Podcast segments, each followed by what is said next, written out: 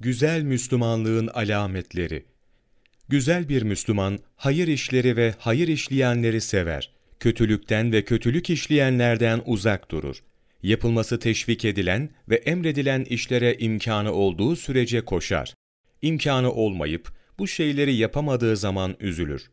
Kendisini ilgilendirmeyen söz ve işleri terk eder. Zorlama ve yapmacık işlerden kaçınır. Kendisine emredilmeyen ve teşvik edilmeyen her türlü işten uzak durur. Fitneden emin olduğu ve dini konusunda bir tehlike bulunmadığı zaman beş vakit namazını cemaatle kılar. Gıybetten ve insanların dedikodusunu yapmaktan uzak durur. Kendi nefsi için sevdiği şeyleri herkes için sever ve ister.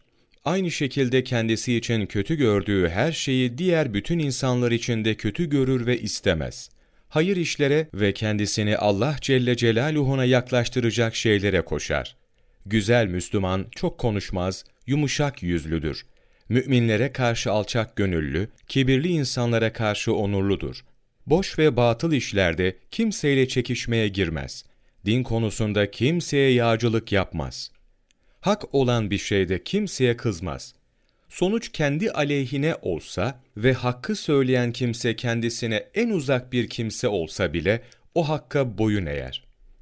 Batıl ve haram olan hiçbir şeyi sevmez.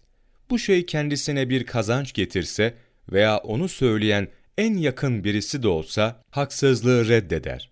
Güzel Müslüman, kendisini sevenlerin onu övmesini kötü görür. Sevmediği kimselerden gelen nasihati ve doğru şeyleri kabul eder. Kalbinde övülmekle yerilmek aynıdır. İkisine de iltifat etmez.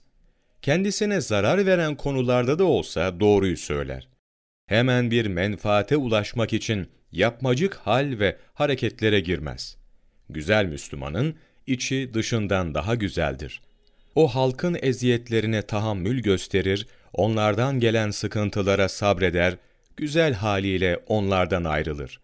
Ebu Talip el-Mekki, Kalplerin Azığı, 3. cilt, sayfa 596-597, 21 Ekim Mevlana takvimi